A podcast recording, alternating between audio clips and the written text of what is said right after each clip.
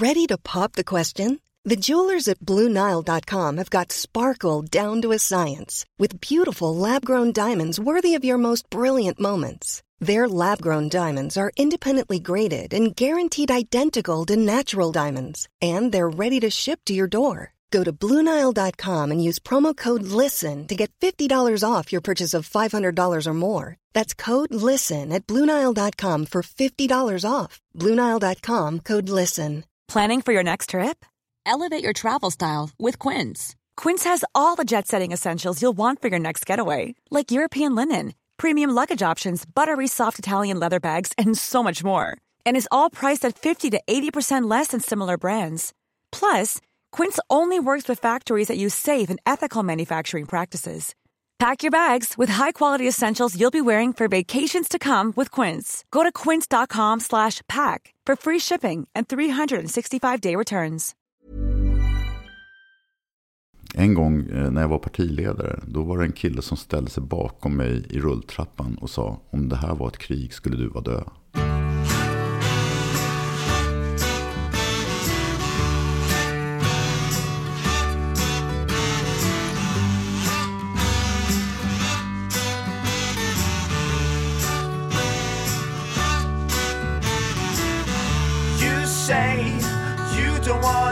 Talk about it.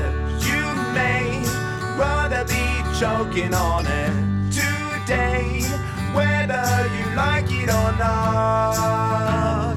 The words come stumbling out. The next stop's where I get off. Hej och välkomna till ett nytt avsnitt av den här podden som ju heter Veckans samtal.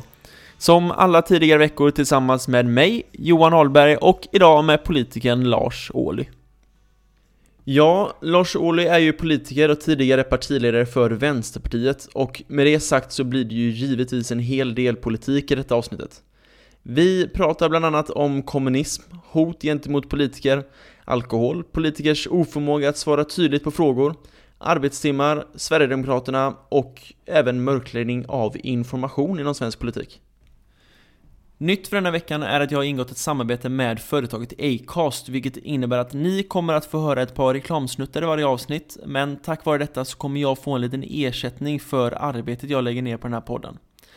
Det som är så härligt med Acast är att om ni lyssnar på podden antingen via veckansamtal.se, acast.com eller via Acast-appen så kommer ni få en visuell upplevelse av samtalen också.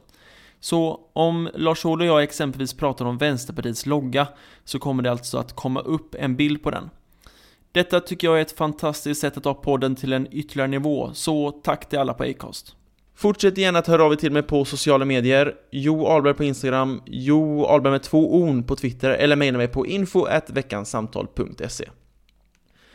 Nu tycker jag vi drar igång samtalet med Lars Ohly, så vignett. The next stop's where I get off. Hur mår du? Jag mår alldeles utmärkt just nu faktiskt. Just hemkommen från en resa. Ja, jag har eh, varit långt iväg till Qatar, Doha. Som var första gången, jag har aldrig varit eh, i Doha förut. Och det var väldigt spännande, helt annan kultur, helt, annan, helt annat klimat. Eh, Men framförallt var jag där för att besöka min, min frus syster som bor där. På vilket sätt skiljer sig kulturen där gentemot Sverige tycker du? Det är klart att jag inte är expert efter en vecka i Qatar. Men eh, eh, det, finns en, eh, det finns både bra och dåliga saker naturligtvis. Eh, det som är, är jobbigt att se det är de enorma klasskillnaderna.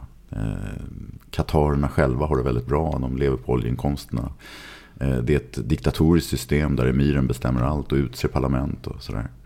Eh, men också fördelar inkomsterna. Men det är Qatarerna som består av fem, eller är 15% av befolkningen som får i princip allt eh, från oljeinkomsterna. Medan resterande 85% är där för att serva Qatarerna och gästarbetar och ibland utnyttjas väldigt grovt. Eh, Sånt är otroligt jobbigt att se. Är det bättre på något sätt? Alltså det är klart att eh, det finns delar i den arabiska kulturen som är väldigt spännande. Eh, men jag skulle inte byta. Jag skulle verkligen inte vilja bo där. Eh, utan jag är, det där med borta bra, hemma bäst, det kändes väldigt tydligt när vi kom tillbaka till Sverige. Ja, vad skönt. Du, om du själv skulle få beskriva vem Lars Ohly är, hur skulle du beskriva dig själv då? Jag är 57 år gammal och har eh, ägnat större delen av mitt liv till att arbeta eh, politiskt och fackligt. Eh, jag är uppvuxen i en facklig miljö från Statens järnvägar som det hette då, eller SJ AB som det heter nu. Jag är uppvuxen i ett prästhem, min pappa var präst. Vilket säkert har påverkat mig, även om jag ibland har svårt att förstå varför och hur. Men har, lever ett väldigt bra liv. Eh, är gift med Åsa och har två vuxna barn. Och mår väldigt bra just nu. Är du kristen? Nej, jag är ateist. Jag har en väldig respekt för eh, religion. Eh, och jag har, jag har sett på nära håll hur viktig den kan vara för människor. Och hur den faktiskt kan hjälpa människor. Men religionen förutsätter en tro. Och den tron har jag aldrig haft, utom möjligtvis som, som litet barn. Eh, någon sorts barnatro kanske jag hade. Men, men när jag blev tillräckligt vuxen för att själv, självständigt ta ställning så, så har jag aldrig känt någon övertygelse om att det finns en högre makt. Och, och därför så, så blir steget väldigt naturligt för mig att säga att jag verkligen är ateist.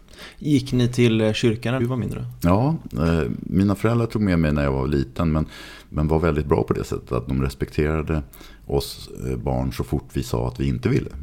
Och min pappa brukade säga att han, han kunde vilja, önska att jag skulle tro på samma sak som han gör. Men tro kan man aldrig pådyvla någon annan, utan den måste komma inifrån en själv. Och eftersom den tron inte finns hos mig så, så blev det tyvärr för honom då så att jag valde en helt annan väg i livet än vad han hade gjort. När någon ber dig att definiera dig själv, definierar du dig mer med ditt privatliv eller med politiken? Det var en svår fråga. Eh, det beror på i vilket sammanhang som jag presenterar mig. Eh, om jag sitter vid en eh, middag och träffar någon god väns kompis som jag tidigare kanske inte känt. Då hade jag garanterat börjat med privatlivet. Men om jag sitter så här i podden med dig, då märkte du att jag började med, eh, eller i alla fall ganska snart kom in på att jag har jobbat fackligt och politiskt. Och att det blev en viktig del. Eh, så att eh, det beror nog på vem jag möter. Sen är det också så att jag är igenkänd av så pass många så att jag sällan behöver presentera mig. De allra flesta vet att jag har varit partiledare och att jag är politiker och sådär. Så att, och det blir lite divaaktigt att förutsätta att folk gör det. Därför att ibland gör de ju inte det. Och då får man ju inte bli sur eller förvånad av det. Utan det är ganska sunt och ganska skönt att det finns tillräckligt många människor för att det ska hända ibland att jag inte är igenkänd. Men jag får nog räkna med att vara eh, var jag än visar mig i Sverige. Men om du då träffar någon och de uppenbarligen vet vem du är, hälsar du med ditt namn ändå? Nej, det, och det, det klagar min fru på hela tiden. Eh, hon tycker att det är nonchigt att liksom eh, säga hej när, när någon presenterar sig själv med namn. Eh, fast jag vet ju att de vet vem jag är. Så jag har börjat tänka på det och försöka bättra mig och faktiskt säga Lasse till folk när jag träffar dem. Men jag tror när vi träffades, du och jag, så sa jag inte det. Eh, för att du visste vem jag var. Ja, exakt. Men eh, händer det också att om du går på stan eller att du åker pendeln och sånt att folk hälsar på dig för att de känner igen dig och att du hälsar tillbaka för att Alltså så, förstår du hur jag menar? Det är jättevanligt att det är det. folk nickar och och säger hej till och med. Och, och, så här. och ibland så, så rättar de sig själva och säger ursäkta, jag trodde vi kände varandra, men nu ser jag ju. Så, här. Eh, så det är faktiskt väldigt vanligt och det är ju verkligen eh, inget problem. Det är ju det är bara kul att bli igenkänd på det sättet och det är ju folk som är trevliga. Så här. Hur ofta är det som du känner dig hotad i olika situationer? Idag eller genom åren? Idag är det väldigt sällan tycker jag. Eh, människor är bra. Eh, de allra flesta är trevliga. En gång eh, när jag var partiledare, då var det en kille som ställde sig bakom mig i rulltrappan och sa om det här var ett krig skulle du vara död. Han var ganska stor också. Eh, fullständig idiot alltså. Så att jag, jag, jag nonchade honom och bara gick såklart. Men det kändes sådär, det ska man inte behöva stå ut med. Det ska ingen människa behöva höra. Liksom. Hade du inga Säpo-vakter då? Nej, det har man ju inte normalt som eh, partiledare, inte ens som minister. Utan det har man på vissa utsatta positioner. Statsministern har det alltid såklart. Eh, och, och vissa ministrar, till exempel den som har hand om migration, har det i princip alltid. Men partiledarna har det vid speciella situationer. Och jag hade det under valrörelserna.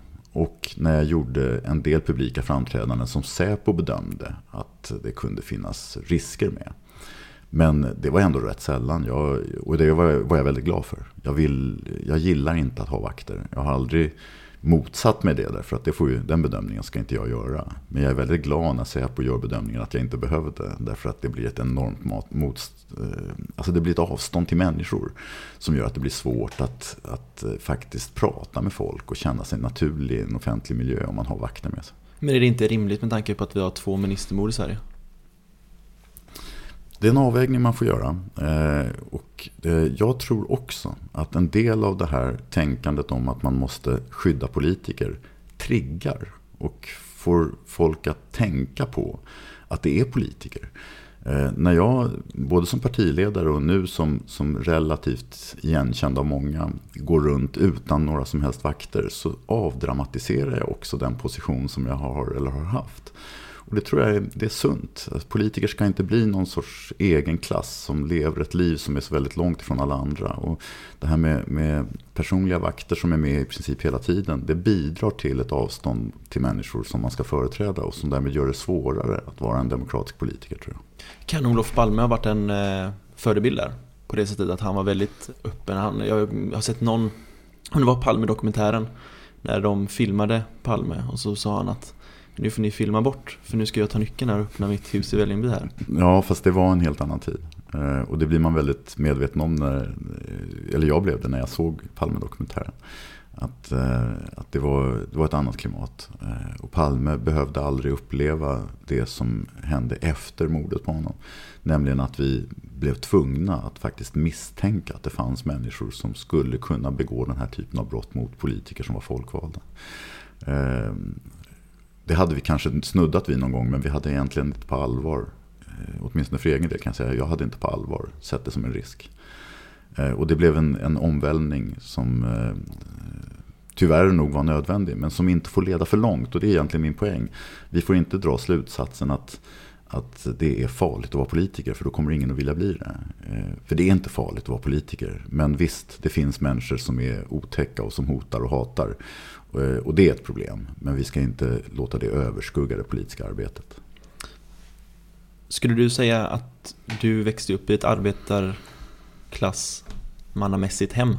Nej, det skulle jag inte göra. Eh, präster tjänade inte så bra, men, men det var definitivt ett medelklasshem eh, ekonomiskt sett. Och statusmässigt sett var det säkert högre än så. Eh, präster, åtminstone då, kanske även nu, har en ganska hög ställning eh, socialt och sådär. Eh, däremot så bodde vi i områden som var eh, mer eh, arbetarklassmässiga. Till exempel när, vi, när jag växte upp och började skolan i Blackeberg. Det var ett eh, utpräglat arbetsklassområde. Eh, och det skilde sig väldigt mycket från andra områden i närheten som var mer överklassbetonade eller där rikare människor bodde. Så. På vilket sätt då?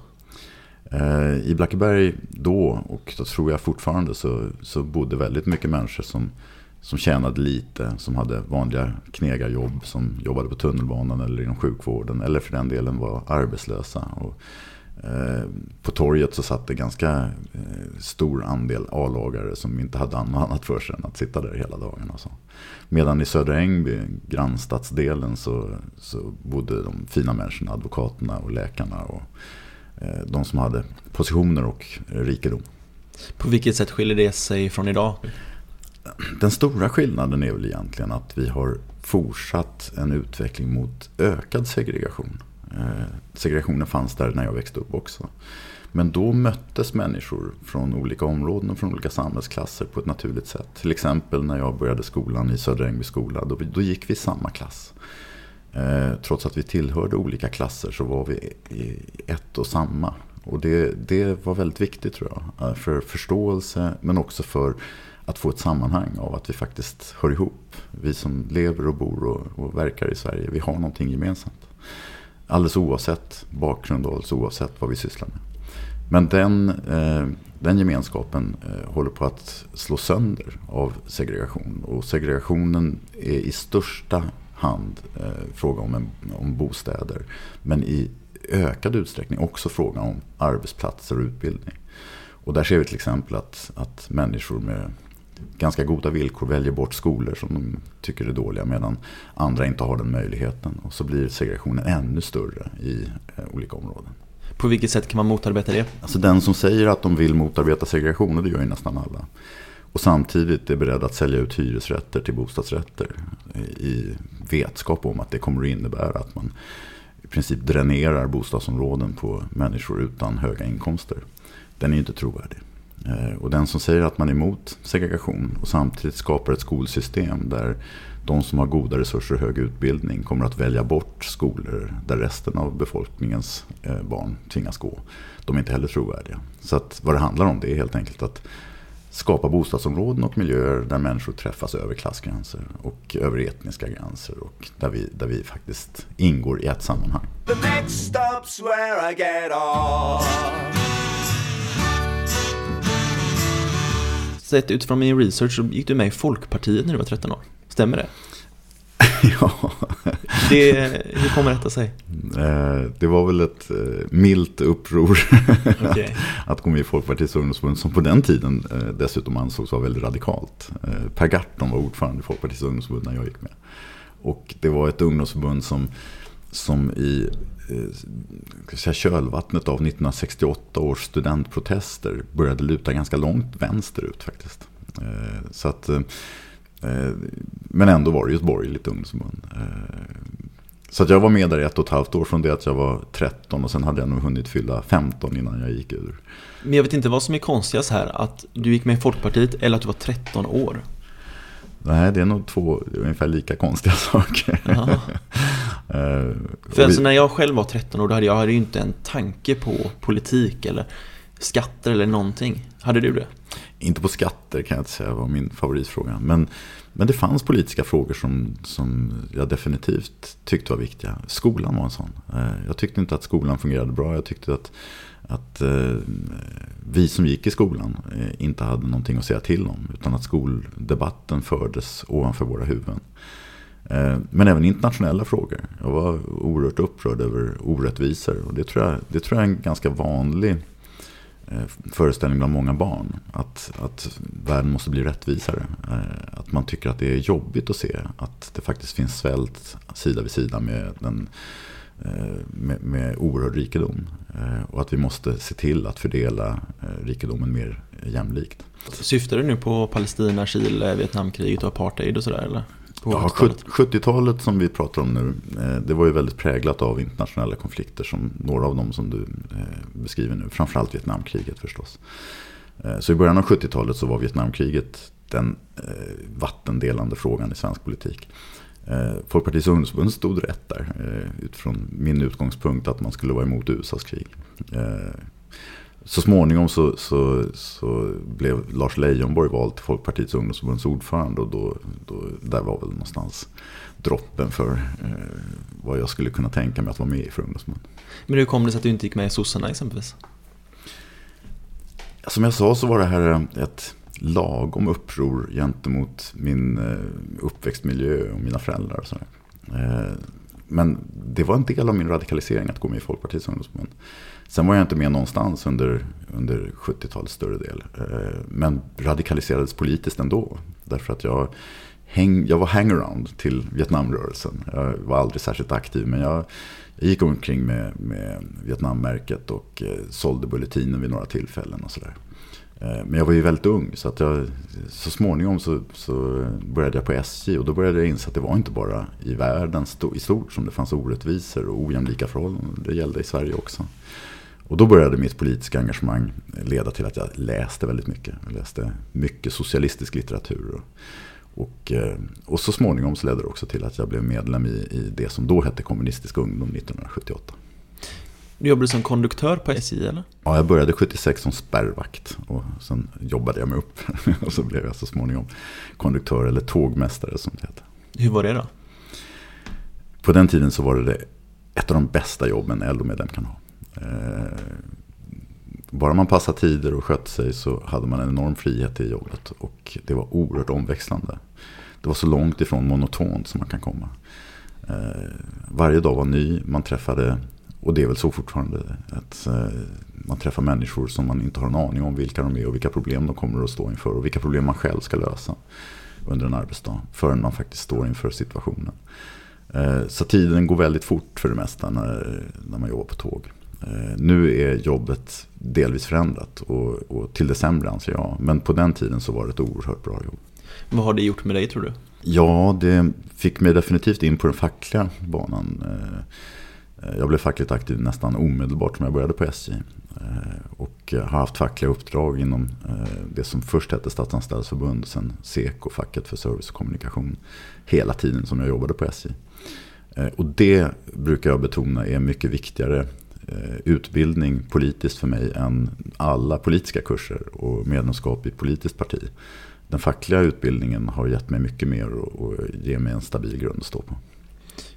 Jag har hört en historia om att du blev frånåkt i ditt eget tåg i Eskilstuna en gång. Stämmer det? Ja, dessvärre stämmer det. Det var, det var en, eh, en tidig morgon. Jag tror att tåget skulle gå kvart över sex. Och, sånt där. och då börjar man jobba en 20-25 minuter före det som man ska ställa, inställa sig. Och, och, och, man ska räkna upp ut bromsvikt och vagnsvikt och sådana saker. Och jag försov mig och vaknade en bra bit efter sex. Eh, så jag fick eh, inga borsta tänder, inga tvätta sig, ingenting. Utan bara sno på uniformen och springa iväg. Som tur var så låg hotellet väldigt nära. Så jag kom väl ut i princip någon minut före avgångstid. Så in med väskan i kupén och så gick jag och stängde dörrar. På den tiden så var det ju inte någon automatisk dörrstängning utan det var sådana dörrar som svängde ut. Så jag gick och stängde dörrar och när vi hade kommit till halva sista vagnen så visade jag klart till tågklareraren som fanns längst fram vid lokföraren. Och visade att jag var klar att åka. Och han hade ju tyckt att det var jobbigt att vi redan var någon minut sen. Så att han vinkade av tåget. Och när jag hoppade upp på sista trappsteget så visade det sig att den dörren var låst. Okej. Okay. och då hade jag att välja att försöka fippla fram tången. Men så finns det en dörrförregling som träder in vid ungefär 15 km hastighet. Så att risken fanns att jag inte skulle kunna låsa upp dörren i alla fall. Eh, så jag hoppade av. Och så försökte jag visa stopp. Eh, men eh, det svängde lite där så lokföraren såg inte det bakåt och tågklädaren var inte intresserad. Så att tåget åkte iväg. Och du stannade kvar i Eskilstuna? så där var jag kvar i Eskilstuna. ja, det är jättefint ju. Hur tar man sig därifrån då? Från eh, jobba på SJ till att bli politiker och framtida partiledare för Vänsterpartiet? Alltså för mig har det varit jätteviktigt att inte se politik som ett arbete eller ett yrke. Utan att politik är någonting som jag vill att så många som möjligt ska syssla med. Eh, och jag gjorde det under tiden som jag arbetade på SJ. Jag var lika mycket politiker då som jag sen har varit som riksdagsledamot. Men jag jobbade inte med det på heltid utan jag hade ett annat jobb. Eh, och det är så jag vill se politik. Att politik ska vi inte överlåta åt proffs. Utan det ska vi, vi ska själva se till att, att vara de som är proffsen. Eh, så att jag, jag var fackligt och politiskt aktiv hela tiden jag jobbade på SJ. Och, eh, och det ledde så småningom till att jag fick ett förtroende att bli invald i, i dåvarande VPKs partistyrelse som suppleant 1987. Eh, och, så, eh, och det är så det går till. Liksom, att, ehm, eh, man jobbar politiskt, man blir uppmärksammad. En del tycker att man skulle passa för något annat uppdrag och sen så föreslås man. Och ifall man själv är intresserad så kanske man blir vald. Och, och, det ledde så småningom till att jag 1994 fick erbjudandet om att bli partisekreterare i Vänsterpartiet. Och, ehm, och det är ett valt uppdrag så att jag, jag var ju intresserad för att det var kul att bli tillfrågad och kul att bli att några tyckte att jag skulle vara bra eh, på ett sånt viktigt uppdrag. Så att jag frågade om jag fick tjänstledigt från SJ och det fick jag inte. Så då, var det, då, då, då avstod jag ju det. Men så småningom så lyckades jag faktiskt få tjänstledighet. Och då tackade jag ja och blev vald i oktober eh, eller 1994. Men hur valde du vilket parti du skulle gå med i då? För att det, gick ju, det var några år där som du inte var med i något parti. Ja, och på 70-talet var det väldigt radikalt i samhället. Eh, som jag tidigare beskrev så var Folkpartiets ungdomsförbund väldigt radikalt. Eh, de var för löntagarfonder till exempel. Det är svårt att tänka sig idag. Oerhört radikala internationella frågor. Så att eh, hela samhällsmiljön som jag växte upp i politiskt, den var väldigt vänster. Och de här åren som jag, efter att jag lämnade Folkpartiets ungdomsförbund och innan jag gick med i Kommunistisk ungdom, då var jag på tillställningar, fester, demonstrationer eh, i en miljö som var utpräglat socialistisk. Eh, så att det, steget var inte så långt Eh, utan steget var, det, det, det, svåra steget var, ska jag organisera mig politiskt eller inte? Eh, alltså partipolitiskt, ska jag gå in där? Och varför det var ett stort steg, det var därför att jag kände att det var inget litet enkelt beslut som man kan fatta på en kafferast. Utan för mig var det viktigt att det skulle vara någonting som jag verkligen trodde på. Sen om det skulle bli för hela livet, det visste jag ju inte. Men, men att åtminstone som jag kände då, så skulle det vara någonting som jag var beredd att stå för. Eh, och det gjorde att det ändå tog lite tid. Så att jag var faktiskt eh, 21 år innan jag gick med i ungdomsförbundet. Eh, och det är ju till skillnad från Lasse som 13-åring så är man ju då ganska vuxen i alla fall. The next stop's where I get off. Gudrun Schyman tvingades avgå 2003 i januari. Eh, och eh, jag valdes på en kongress 2004. Vi hade ett, ett år där när Ulla Hoffman var tillförordnad partiledare som partistyrelsen hade utsett. Eh, fantastiskt att hon gick in och tog det jobbet under ett år. Och jag, jag var tillfrågad redan då, men jag, jag var ju väldigt länge av den uppfattningen att som nyskild och med två barn så skulle jag ha svårt att eh, klara av ett sånt eh, betungande uppdrag som, som i princip innebär att man måste vara tillgänglig jämt. Eh, sen blev jag övertalad kan jag säga av en kvinna som betytt mycket för mig, Ingrid Burman, som, som gick in till mig och sa att om inte vi som ett feministiskt parti ska kunna se till att småbarnsföräldrar också kan ha de tyngsta uppdragen, vem ska då göra det? Eh, vi måste ju helt enkelt stötta dig, vi måste se till att du kan klara av det här.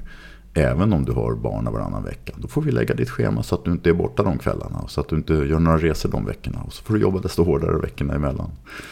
Eh, och till slut så, så, tyckte jag att det lät som en möjlig väg. Så att, eh, då tackade jag ja och blev vald på kongressen 20, eller 2004. Ja. Hur stort var det för dig? Det är ett enormt steg. Och att vara partiledare är, eh, det är att gå in i en eh, tvättmaskin.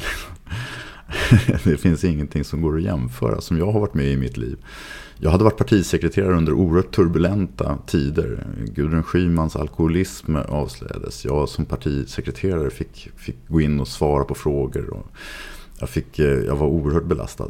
Och ändå med den erfarenheten så finns det ingenting som kan mäta sig med partiledarskapet. Så att, eh, det låter ju som det är ett självmordsuppdrag som, som man skulle akta sig för att ta det. Eh, men så är det verkligen inte för samtidigt så är det ett uppdrag som ger tillbaka mycket mer än vad man behöver ge. Vad ger det tillbaka då?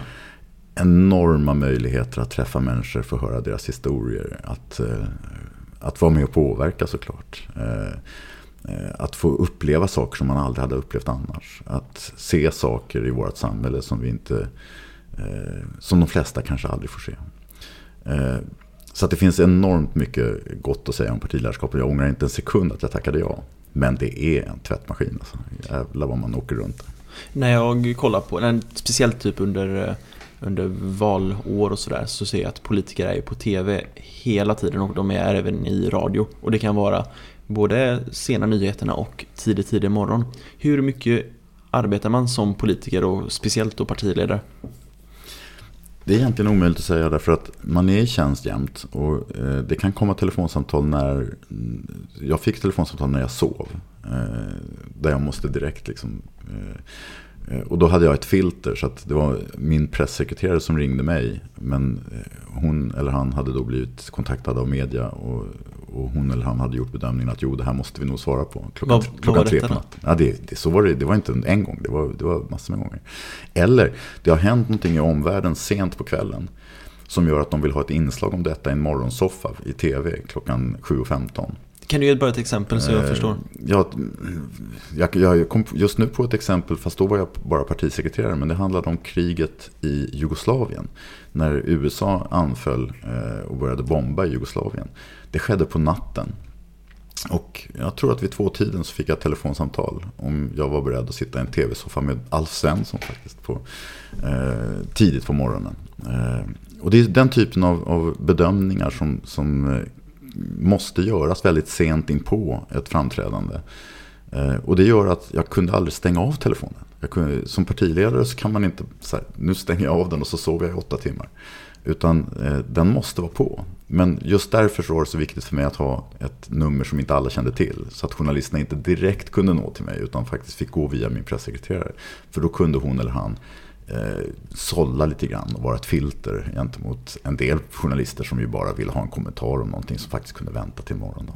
Hur ofta är man sliten som politiker? Jag kan ju bara, nu har jag relaterat till mig själv men jag pluggar liksom och man gör det och det. Man, alltså man känner sig lite trött när man sitter på kvällarna och zappar bland tv-kanalerna. Men jag kan ju tänka mig att det är ett helt annat case för er.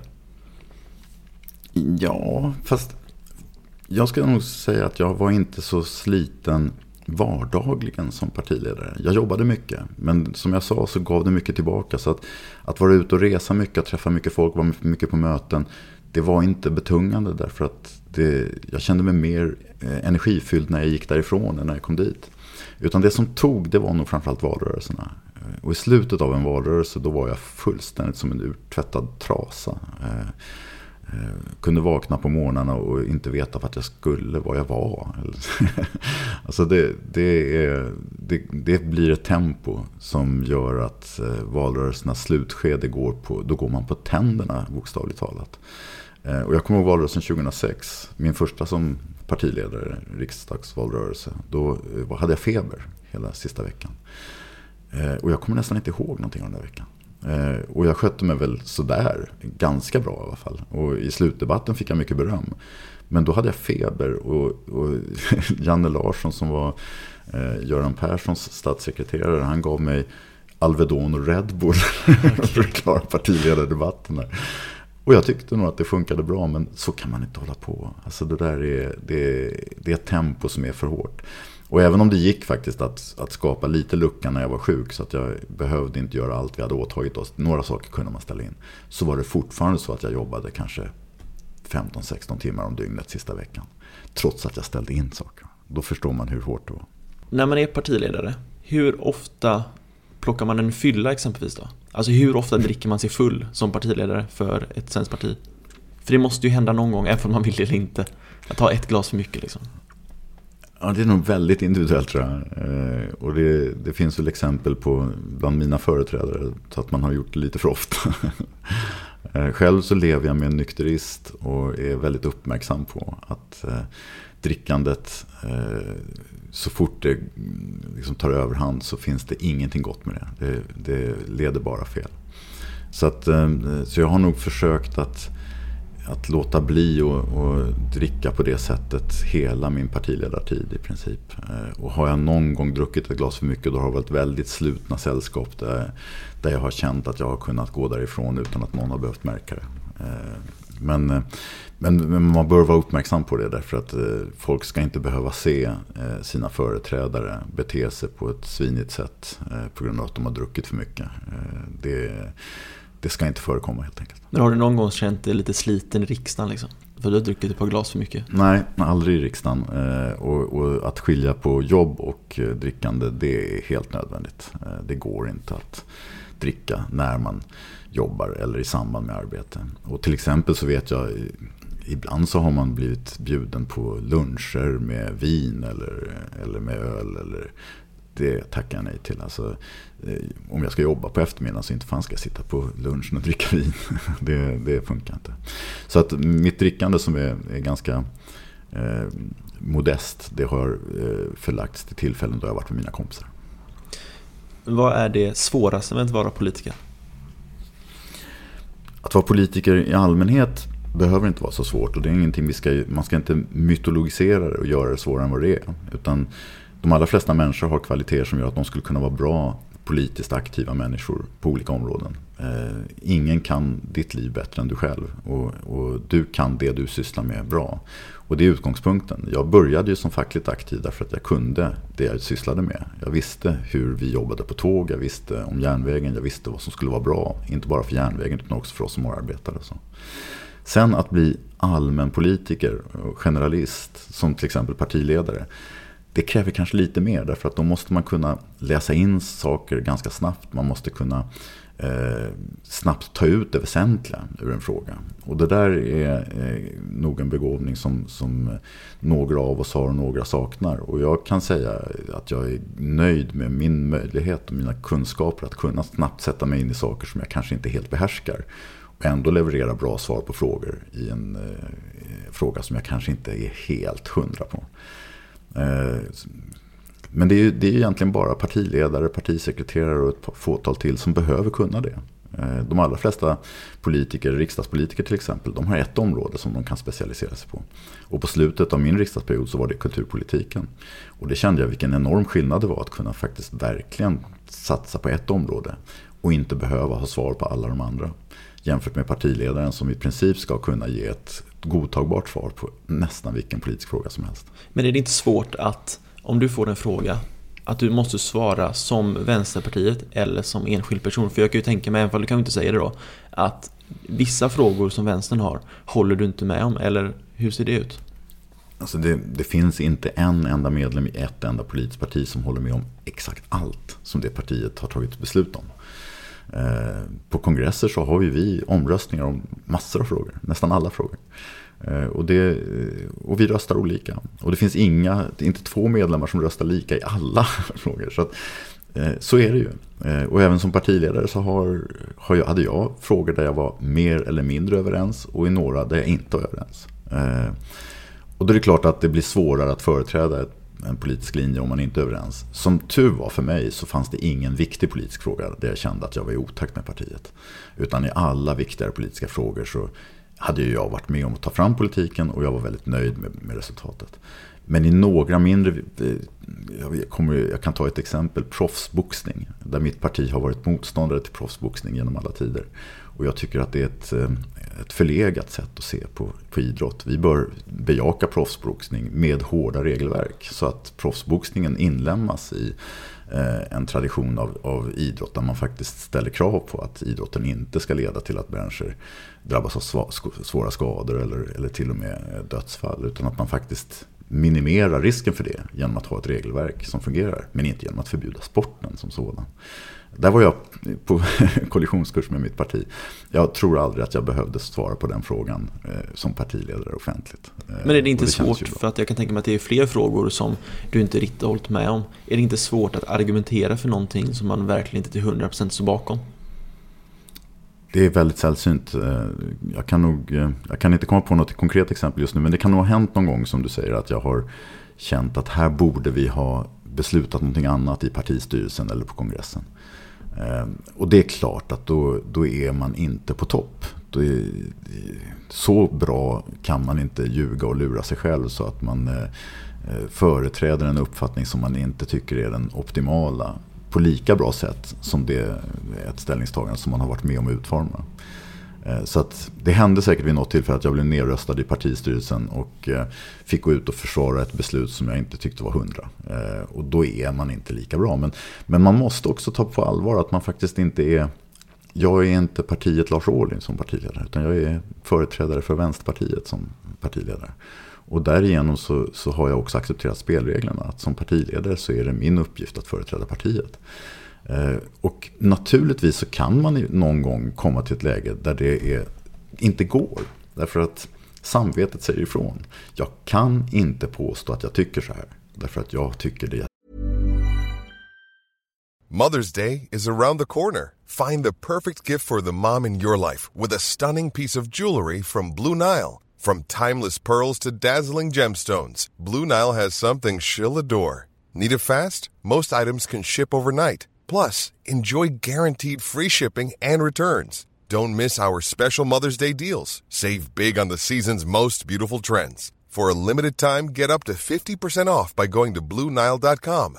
That's Bluenile.com. Hey, it's Danny Pellegrino from Everything Iconic. Ready to upgrade your style game without blowing your budget? Check out Quince. They've got all the good stuff shirts and polos, activewear, and fine leather goods all at 50 to 80% less than other high-end brands. And the best part? They're all about safe, ethical, and responsible manufacturing. Get that luxury vibe without the luxury price tag.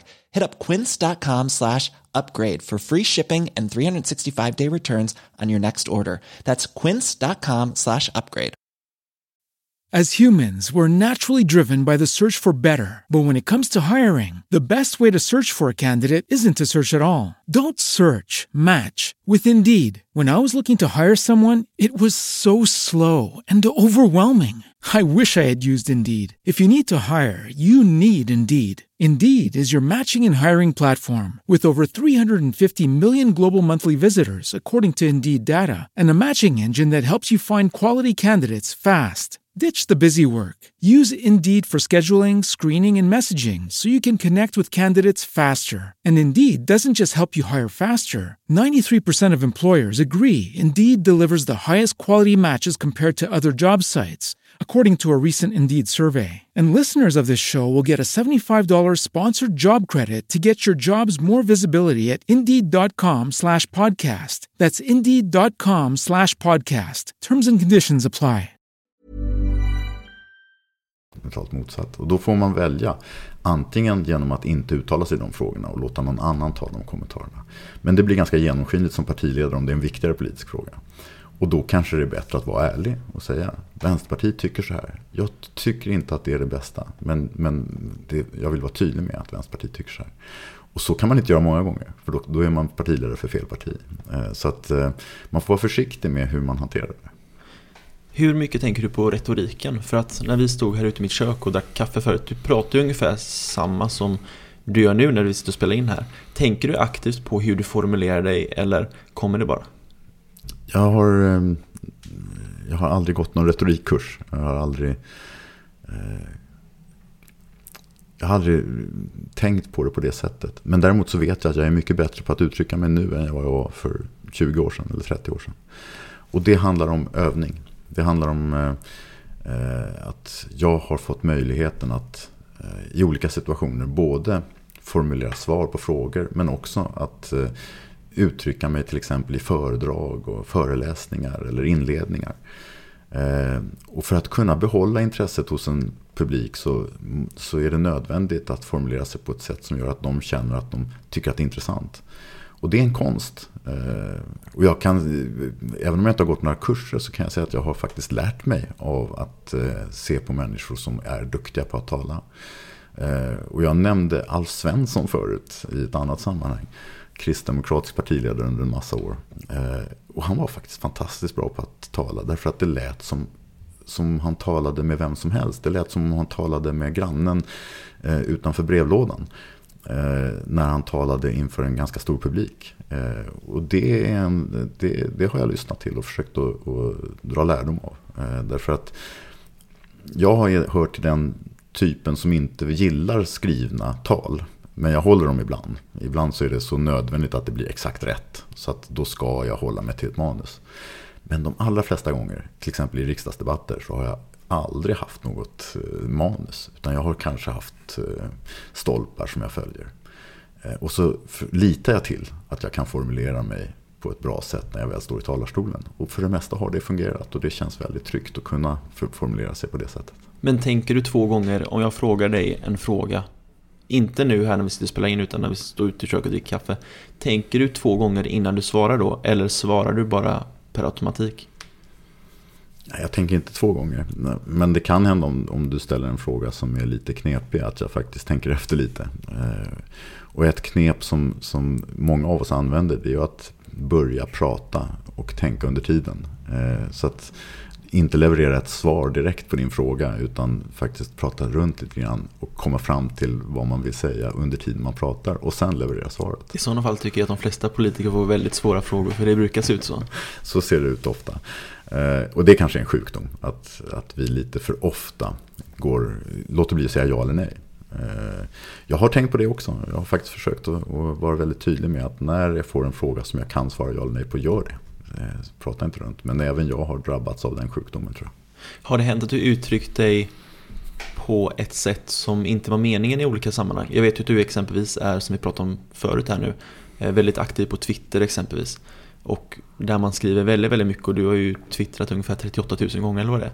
Är det någon gång du har twittrat någonting som du bara, nej fan det här var inte bra? Ja, och, eh, och även muntligt sagt saker som eh, har kommit ut fel. Eh, man skulle vara omänsklig om det aldrig hände.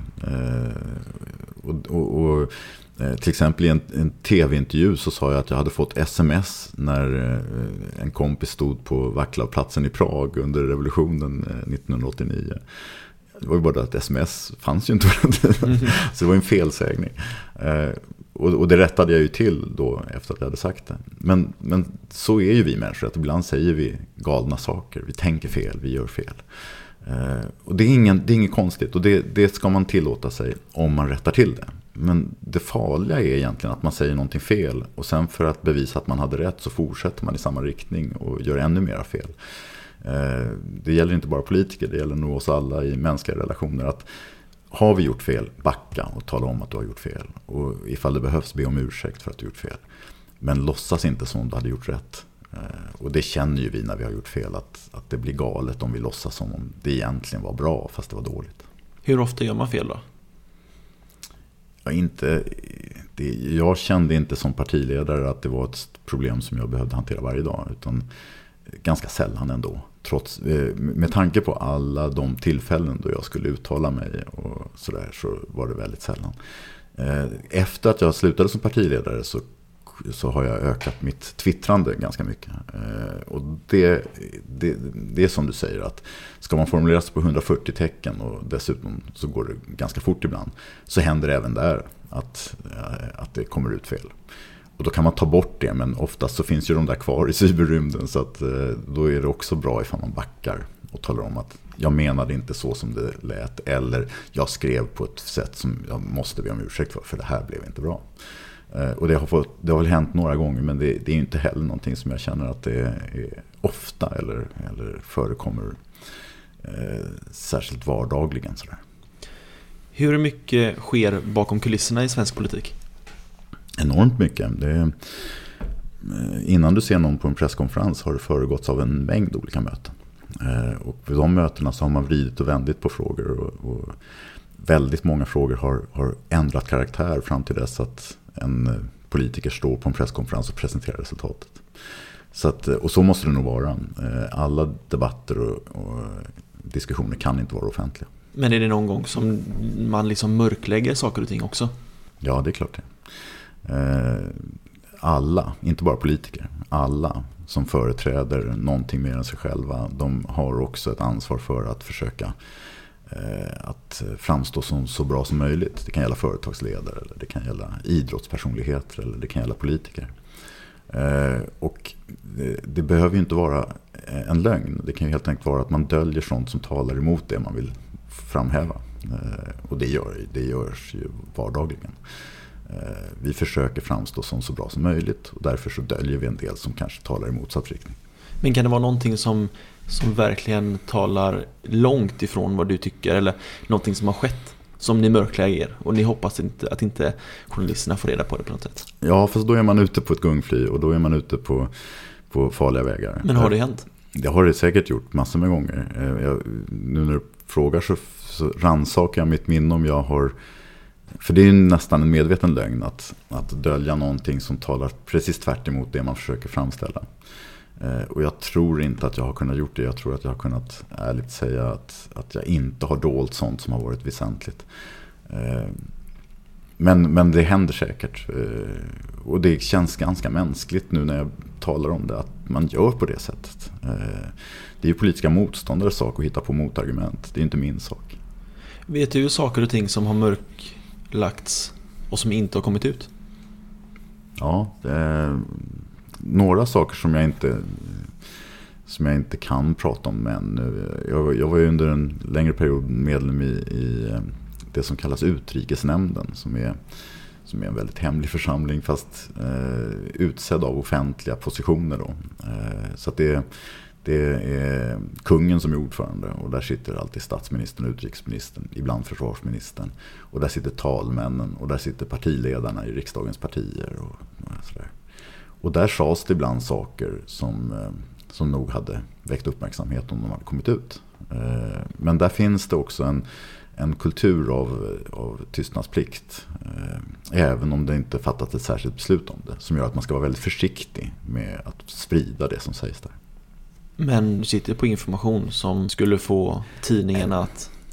Nu låter det som att jag var, i, att jag var jätteinsatt om saker som skulle förändra den politiska historien. Nej, men någonting är det ju uppenbarligen som du vet eh, som inte... Jag kan nämna ett exempel. Vi har en eh, svensk medborgare som sitter fängslad i Eritrea sedan väldigt lång tid tillbaka, David Isak.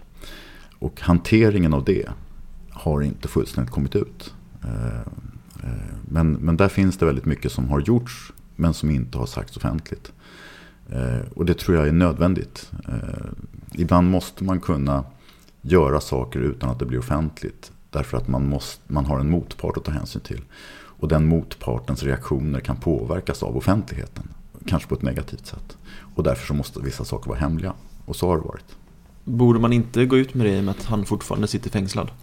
Jo, jag tycker nog att den tysta diplomatins väg i fallet David Isak har nått vägs ände. Jag tycker att vi, vi borde mycket tydligare och hårdare driva frågan offentligt och, och göra det öppet. Eh, så där, där kan man väl säga att jag, jag är av den uppfattningen att vi borde offentliggöra i princip allting som har gjorts och sagt. Jag vet att du tidigare, för väldigt många år sedan nu, gick ut och sa att du var kommunist. Är du kommunist? Nej, och anledningen till det är att begreppet som det används i Sverige idag står så väldigt långt ifrån de värderingar jag företräder. Så att det blir bara larvigt att påstå att jag är kommunist när samtidigt de allra flesta människor förknippar det med saker som jag avskyr. Men jag kan försvara att jag använder begreppet därför att jag hade en annan tolkning av den. Och och den tolkningen bygger ju inte på Sovjetunionen eller stalinism eller förtryck. Eller, eh, det vore ju sinnessvagt att liksom företräda det. Utan det bygger på idén om det klasslösa samhället. Eh, den bygger på ursprunget i det kommunistiska manifestet som vi skrevs 1848 och som vi knappast kan belastas av alla de övergrepp som har skett i kommunismens namn, framförallt under 1900-talet. Eh, men det blev omöjligt och det var bra att jag gjorde mig av med det begreppet när man då säger att man är kommunist, eller sa, vilka länder kollar man då? För att om man säger så här Ryssland, bara, nej men de kollar vi inte på. Nej men Nordkorea, nej men de kollar vi inte. på. Kina, nej inte de heller. Vilka kollar man på i sådana fall? Det var ju det som var problemet att flera av de länder som, eh, som styrs av partier som kallar sig kommunistiska är, är stater som, som är diktaturer och som förtrycker människor och som på alla sätt står väldigt långt ifrån eh, de ideal som jag företräder. Eh, och det var ju ett av skälen till att jag inte använde begreppet. Men det var inte så att jag blev eh, kommunist på grund av hur det såg ut i Sovjetunionen eller på grund av hur det såg ut i något annat land som var något mönsterland. Utan jag blev ju kommunist och använde begreppet i dess ursprungliga bemärkelse utifrån vad jag läste och vad jag lärde om ideologin. Ehm, men som sagt, det blev en omöjlig ekvation att försöka undervisa människor att de skulle betrakta kommunismen utifrån eh, kommunistiska manifestet och inte utifrån hur det såg ut i Sovjetunionen eller, eller i vilken utsträckning man använde begreppet för att begå övergrepp. Det var ju den verklighet som människor såg. Om någon kallar sig kommunist idag då? Hur känner du kring det eller kring det begreppet? Om det är en person som jag tycker om och som jag eh, gillar och som vars värderingar överensstämmer med mycket av mina. Då skulle jag råda den personen att inte använda begreppet kommunist eh, som benämning på en politisk övertygelse. Just därför att eh, begreppet är så besudlat. Eh, så, eh, det, det räcker alldeles utmärkt med att kalla sig socialist och feminist. Eh, och man behöver inte några fler beteckningar. Så. I samband med Sveriges Televisions valvaka 2010 så väckte du stor uppståndelse när du vägrade gå in i sminklogen med eh, Sverigedemokraternas partiledare Jimmie Åkesson. Vad var det som hände där egentligen? Det var ju en väldigt speciell situation. Alltså, vi hade ju just eh, genomlidit ett valresultat som på tre olika sätt var väldigt, väldigt negativt för oss. Det första var naturligtvis att vi inte hade vunnit regeringsmakten. Eh, Fredrik Reinfeldts alliansregering satt kvar. Det andra det var ju att eh, vi själva inte hade gått framåt, till och med tappat lite. Eh, och det tredje, och som jag tyckte var det värsta, det var att vi hade fått ett rasistiskt och främlingsfientligt parti i Sveriges riksdag för första gången. Eh, Ny Demokrati var populister och högerpopulister, men de var inte rasister på det sätt som Sverigedemokraterna är. Så alla de här tre negativa faktorerna påverkade naturligtvis oss och gjorde att vår stämningsläget var ganska mörkt. Och då höll jag ett tal innan jag åkte till Sveriges Television, där jag uppmanade till fortsatt kamp och sa att nu är det viktigt att vi inte lägger oss ner och själva tänder här. Utan nu är det faktiskt vi som har ansvaret för att vända den här utvecklingen. Och försökte ingjuta lite mod i alla de som faktiskt var både upprörda, ledsna men också rädda. Många av våra sympatisörer och medlemmar är själva invandrare och flyktingar från början. Och kände att ifall det här nya partiet i riksdagen kommer att få inflytande då kommer kanske även min möjlighet att leva kvar och bo i Sverige att ifrågasättas. Så det var en stämning av, eh, av upprördhet och rädsla. Eh, och i det läget så ville Sveriges Television att jag och Jimmy Åkesson skulle sitta tillsammans i någon sorts gullig bild i en sminklås. Eh, och det hade vi redan sagt från början att det, det kommer inte att ske. Det, det, är inte läge att skoja till det här. Och den som hade i uppgift att ta emot partiledarna när de kom till Sveriges Television det var Christian Lok. Vilket han är ju väldigt bra på väldigt mycket, men inte på seriösa politiska program. Han är ju mer en lekfarbror som är väldigt duktig på det han gör. Eh, men det var helt fel tillfälle att börja skoja till ett valresultat som var så negativt för oss och som dessutom gav väldigt många människor obehagliga associationer om vad som skulle komma. Så att eh, eh han för, försökte föra in mig i sminklogen. Och jag sa, sitter Jimmy Åkesson där? Ja, ja då väntar jag, så Och så vände jag. Och det blev en jättestor grej av det. Eh, men för mig var det helt självklart. Inget gullande med rasisternas partiledare under valnatten. Det, var, det fanns inte på kartan att jag skulle ha gått in där. Vad tycker du om Jimmy Åkesson rent konkret? Alltså det är inte Sverigedemokrater som personer som, som är problemet. Även om det finns Sverigedemokrater som personer som är ganska obehagliga. Jag räknar inte Jimmy Åkesson dit, men det finns andra som uttrycker sig på ett sätt som gör att jag får väldigt obehagliga känslor av vad de egentligen vill med sin, sitt politiska arbete. Men det är ju inte det som är problemet, utan problemet är att de för en politik som skapar nya och större klyftor och som eh, skapar motsättningar mellan människor. Och som dessutom försvårar kampen för rättvisan, därför att man splittrar bland de som är utsatta. Eh, vita eh, arbetare ska peka finger åt utländska arbetare och skylla dem för att de inte får jobb eller inte har tillräckligt bra betalt. Medan det faktiskt finns några som sitter i orubbat bo, nämligen de som äger produktionsmedlen och som äger fabrikerna.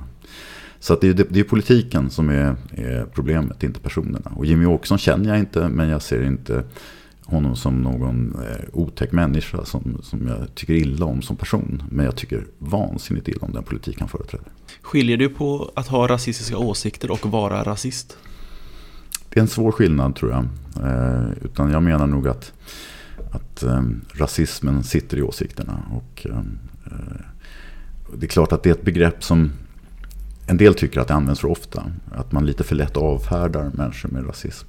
Samtidigt så brukar jag säga att det var bra när människor drog sig för att säga vad de tyckte. Om det de tyckte var rent rasistiskt. Därför att det är faktiskt brottsligt i Sverige. Eh, vi, vi har en yttrandefrihet som är oerhört långtgående och som har väldigt stolta traditioner tillbaka till 1700-talet. Och den ska vi vara väldigt eh, glada över. Men samtidigt så finns det gränser för yttrandefriheten. Och det måste finnas. Man ska inte kunna säga vad som helst offentligt. Eh, man får inte kränka människor, man får inte begå hets mot folkgrupp, man får inte uttrycka sig på ett sätt som, som faktiskt innebär att man nedvärderar människor eller grupper av människor. Och, och med det sagt så tycker jag också att det är, är viktigt att man inte låtsas som att man kan liksom ha rasistiska åsikter och uppfattningar utan att vara rasist. Utan man får nog ta ansvar för det. Eh, och jag tycker att det var bra när man drog sig för att säga rasistiska saker öppet. Och tyvärr är det inte så längre. Eh, om du går ut på internet så kommer du att se enormt mycket rasism, sexism, eh, ja, vidriga uttalanden. Som sprids av människor därför att vi har fått ett annat samhällsklimat. För tio år sedan så hade de inte vågat skriva så. Och för tio år sedan hade de inte vågat säga så. Men nu, i och med Sverigedemokraternas frammarsch och i och med ett hårdare samhällsklimat så blir det plötsligt okej. Okay. Och jag vill gärna tillbaka till ett samhälle där man faktiskt, om man, om man tycker rasistiska saker, att man faktiskt tänker sig för och kanske inte säger dem. Därför att man vet att det inte kommer att tas väl emot. Sedan 2010 så har ju Sverigedemokraterna gått fram ännu mer. Ehm, hur tycker du att man ska liksom konfrontera Sverigedemokraterna? För de växer ju, växer ju hela tiden och i alla fall min eh, fas är ju att de har växt ännu mer till nästa val. Det tror jag inte någon vet. Men, men det som vi vet är att de har ju nästan mer än fördubblats sedan valet 2010 till valet 2014. Eh, och det är helt klart att vi som är antirasister och som ser Sverigedemokraterna som ett rasistiskt parti som bör bekämpas. Vi har inte hittat nyckeln till hur vi bäst gör det. Men samtidigt, för mig är inte det stora problemet om vi har ett stort rasistiskt parti. Så länge de är utan inflytande så kan jag leva med det. Eh, det finns tydligen tillräckligt många människor som är beredda att rösta på dem. Eh, men det allvarliga, det vore ifall andra etablerade partier började ta över deras dagordning för att vinna tillbaka väljare. För då skulle vi snart ha en dansk situation. Där eh, Dansk Folkeparti, som ju på många sätt är Sverigedemokraternas eh, motsvarighet, har haft ett enormt inflytande. Framförallt på migrations och flyktingpolitiken. Trots att de aldrig har suttit i regering. Därför att andra partier har anammat deras uppfattningar. Eh, och jag är väldigt rädd för det. Därför att jag ser på ledarsidorna, framförallt i borgerlig press och media just nu, att det finns tongivande debattörer på den borgerliga kanten som tycker att man ska i större utsträckning bejaka Sverigedemokraternas eh, världsbild och i större utsträckning anamma deras förslag till lösningar. Och det finns även inom vissa socialdemokratiska kretsar, Vidar Andersson till exempel. Och det gör mig livrädd. Därför att då har inte Sverigedemokraterna bara vunnit ett antal röster. Då har de börjat vinna politiken. Och det är det vi måste förhindra nu. Vi ska inte normalisera rasism. Vi ska inte acceptera den. Vi ska inte legitimera den. Och det kräver ett ansvarstagande från alla andra partier. Men varför tror du att de har kommit fram så som de har gjort då? Jo, det är väldigt enkelt att peka ut invandring och eh, flyktingmottagande som problem. Eh, särskilt när Sverige blir allt mer orättvist. Eh, sen 2006, ja faktiskt före det också, men i ännu större grad sen 2006 så har klyftorna ökat. Eh, och arbetslösheten ligger på 8% drygt. A-kassan har försämrats, sjukersättningen har försämrats, människor blir utförsäkrade. Det finns väldigt många människor som har anledning att vara besvikna på hur deras liv har tätt sig och hur samhället har, har fungerat när de har behövt hjälp. Och då finns de enkla lösningarna från eh, Sverigedemokraterna och andra. Det är invandringens fel. Eh, invandringen kostar pengar, det är migrationens fel. Och det är just det jag menar med att skapa falska motsättningar som gör att de som sitter högst upp på samhällsstegen kan sitta i orubbat bo. Det är det som sker nu. Eh, människor vänder sig mot de som de egentligen har mest gemensamt med. Eh, och skyller dem för att de själva inte har ett tillräckligt bra liv. Och då är ju vänsterns uppgift, tycker jag, att samla de här människorna till en gemensam kamp för rättvisa och jämlikhet.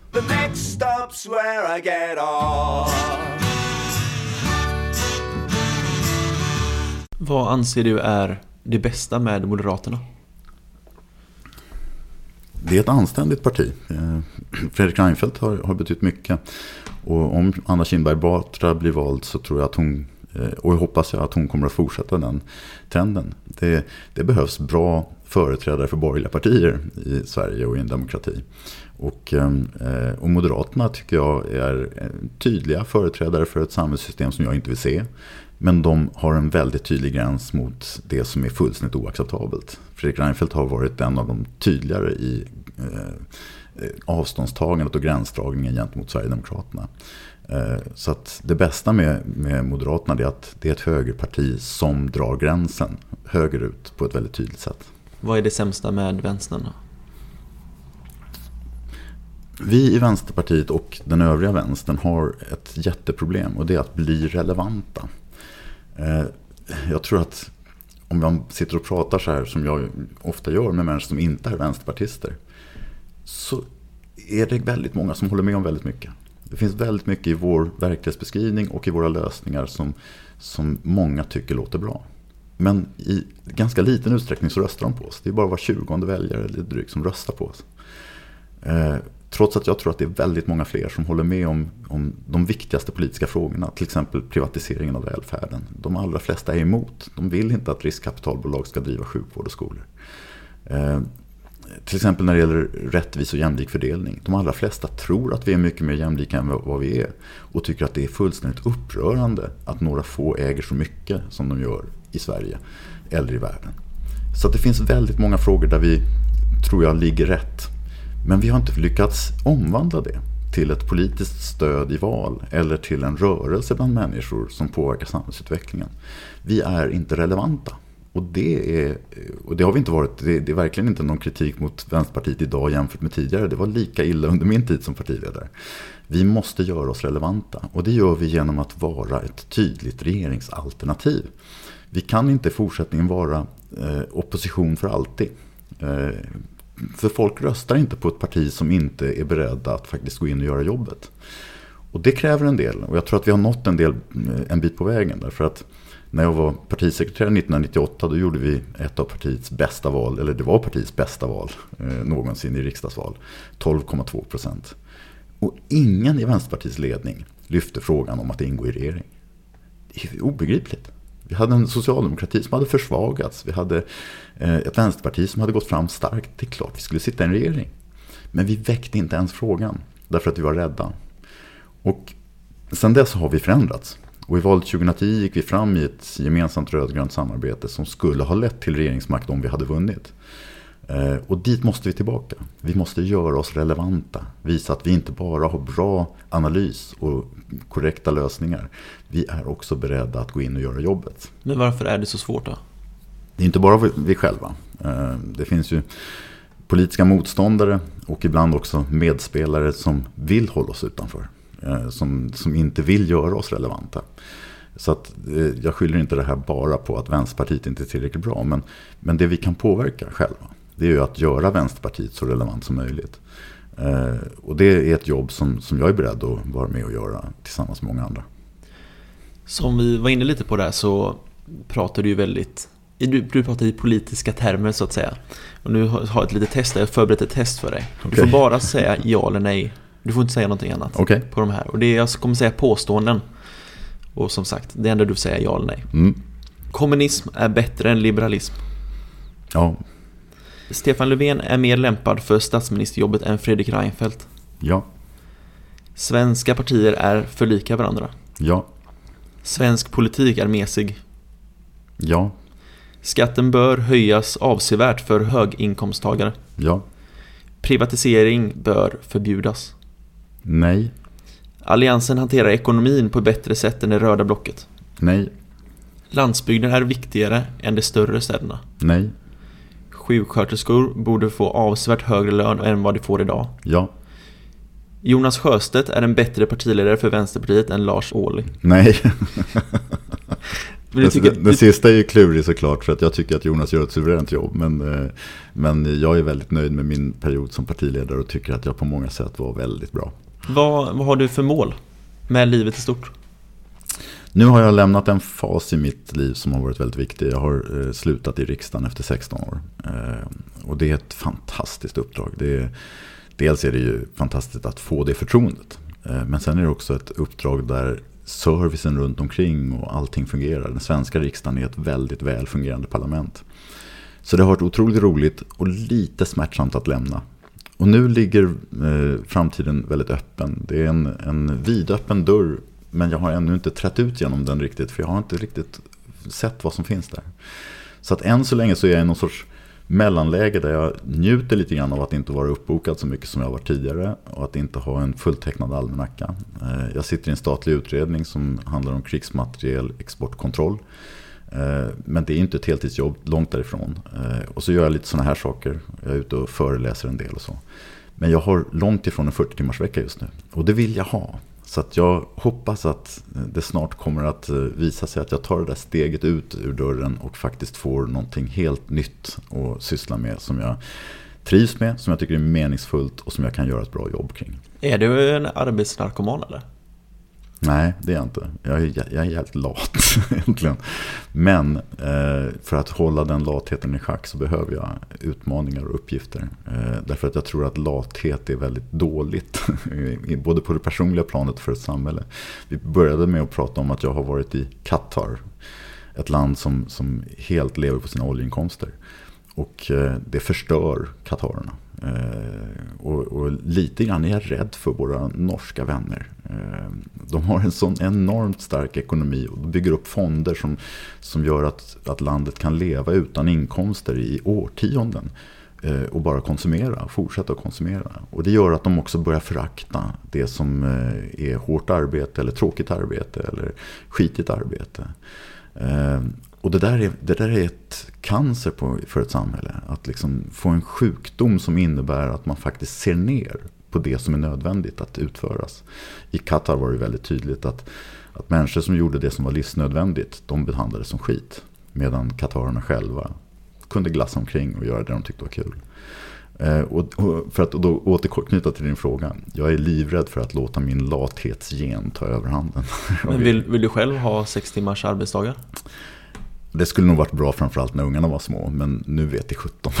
Nu slingrar du igen. ja, eh, det skulle varit bra när ungarna var små. Men just nu så, jag kommer nog aldrig att... Eh, ja, låt mig säga så här. Om jag jobbade på järnvägen, ja, absolut. Om jag får jobba med någonting som jag tycker är både spännande och kul och intressant och meningsfullt, Nej, jag jobbar nog mer än så. Och gärna det. Eh, som partiledare så hade jag väldigt långt ifrån en åtta timmars dag och tyckte ändå att det var väldigt kul. Är det någonting som jag inte har tagit upp som du trodde att jag ville prata med dig om? Ja, vi har inte pratat fotboll någonting faktiskt. Nej, vi kör då. Vi har, vi har haft ett flertal sportjournalister här, så vi kan ju prata lite också. Nej, men det, Liverpool. ja, det finns ju två kärlekar i mitt fotbollsliv. Det ena är Djurgården och det andra är Liverpool. Och, eh, Eh, I båda fallen på senare år så har det faktiskt blivit en kärlek också till damfotbollen i de respektive föreningarna. I Liverpool är det en relativt ny företeelse, i Djurgården har det funnits lite längre. Men, men det är väldigt kul att kunna fortsätta och översätta det intresse jag har haft för herridrott mest under hela min uppväxt. Nu också kan omfatta eh, damidrott i samma föreningar. Eh, så att jag, är, jag är en väldigt hängiven fan. Och en del brukar ju säga att, att Fredrik Reinfeldt och jag har väldigt mycket gemensamt där eftersom vi båda håller på Djurgården. Men det har vi inte. alltså, eh, jo, han håller på Djurgården. Men eh, jag lever Djurgården. Jag lever Liverpool. Det, det, är, verkligen, det är verkligen där jag andas. Och, och går fri från allt det här övriga som är nödvändigt och ibland är kul. Men som jag inte skulle kunna enbart leva på. Nämligen politiken och allvaret och sånt där. Eh, Inom idrotten får jag vara fullständigt enögd. Det kan man inte vara inom politik eller inom viktiga samhällsfunktioner och sådär. Hur ofta går du på matcherna? Alla. Jag har säsongskort på Djurgårdens alla matcher, både i hockey och fotboll. Eh, Jag går inte på alla damfotbollsmatcher, men jag har varit på en hel del. Eh, Liverpool ser jag ju på tv såklart. Eh, I princip alla matcher som jag kan. Eh, Och har tyvärr bara varit på Anfield en gång, men ska självklart åka dit igen. Det går inte jättebra nu, men det, det kanske reder upp sig. Det går skit just nu. Vi, vi, ligger, eh, vi ligger högst bland bottenlagen. Och det är för jävla dåligt efter förra säsongen då vi kom två och, och, och var väldigt nära att vinna.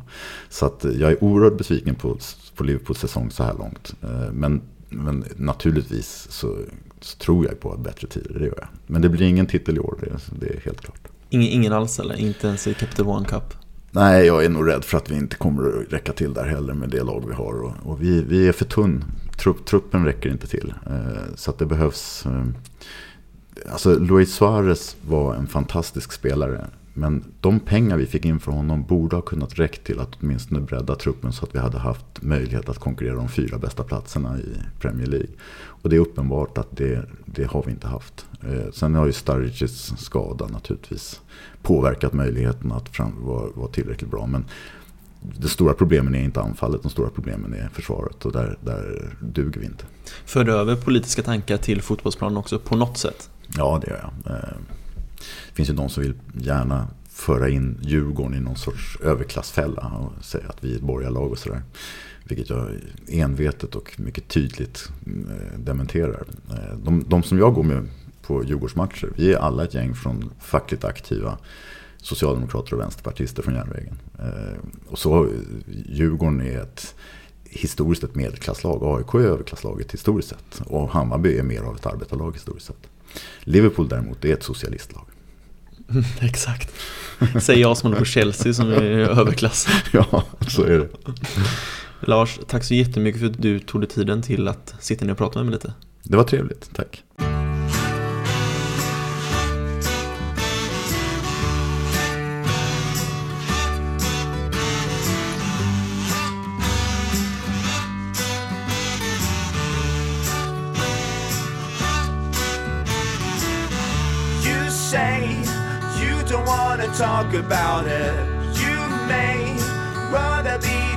Choking on it today, whether you like it or not.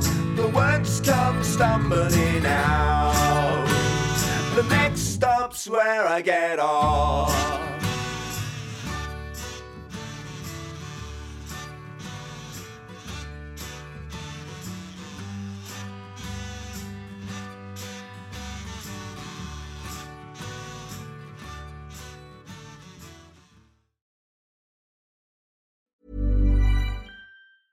Normally, being a little extra might be a bit much, but not when it comes to healthcare. That's why United Healthcare's Health Protector Guard fixed indemnity insurance plans, underwritten by Golden Rule Insurance Company, supplement your primary plan so you manage out of pocket costs. Learn more at uh1.com. Hey, it's Danny Pellegrino from Everything Iconic. Ready to upgrade your style game without blowing your budget? Check out Quince. They've got all the good stuff shirts and polos, activewear, and fine leather goods, all at 50 to 80% less than other high end brands. And the best part? They're all about safe, ethical, and responsible manufacturing. Get that luxury vibe without the luxury price tag. Hit up quince.com slash upgrade for free shipping and 365 day returns on your next order. That's quince.com slash upgrade.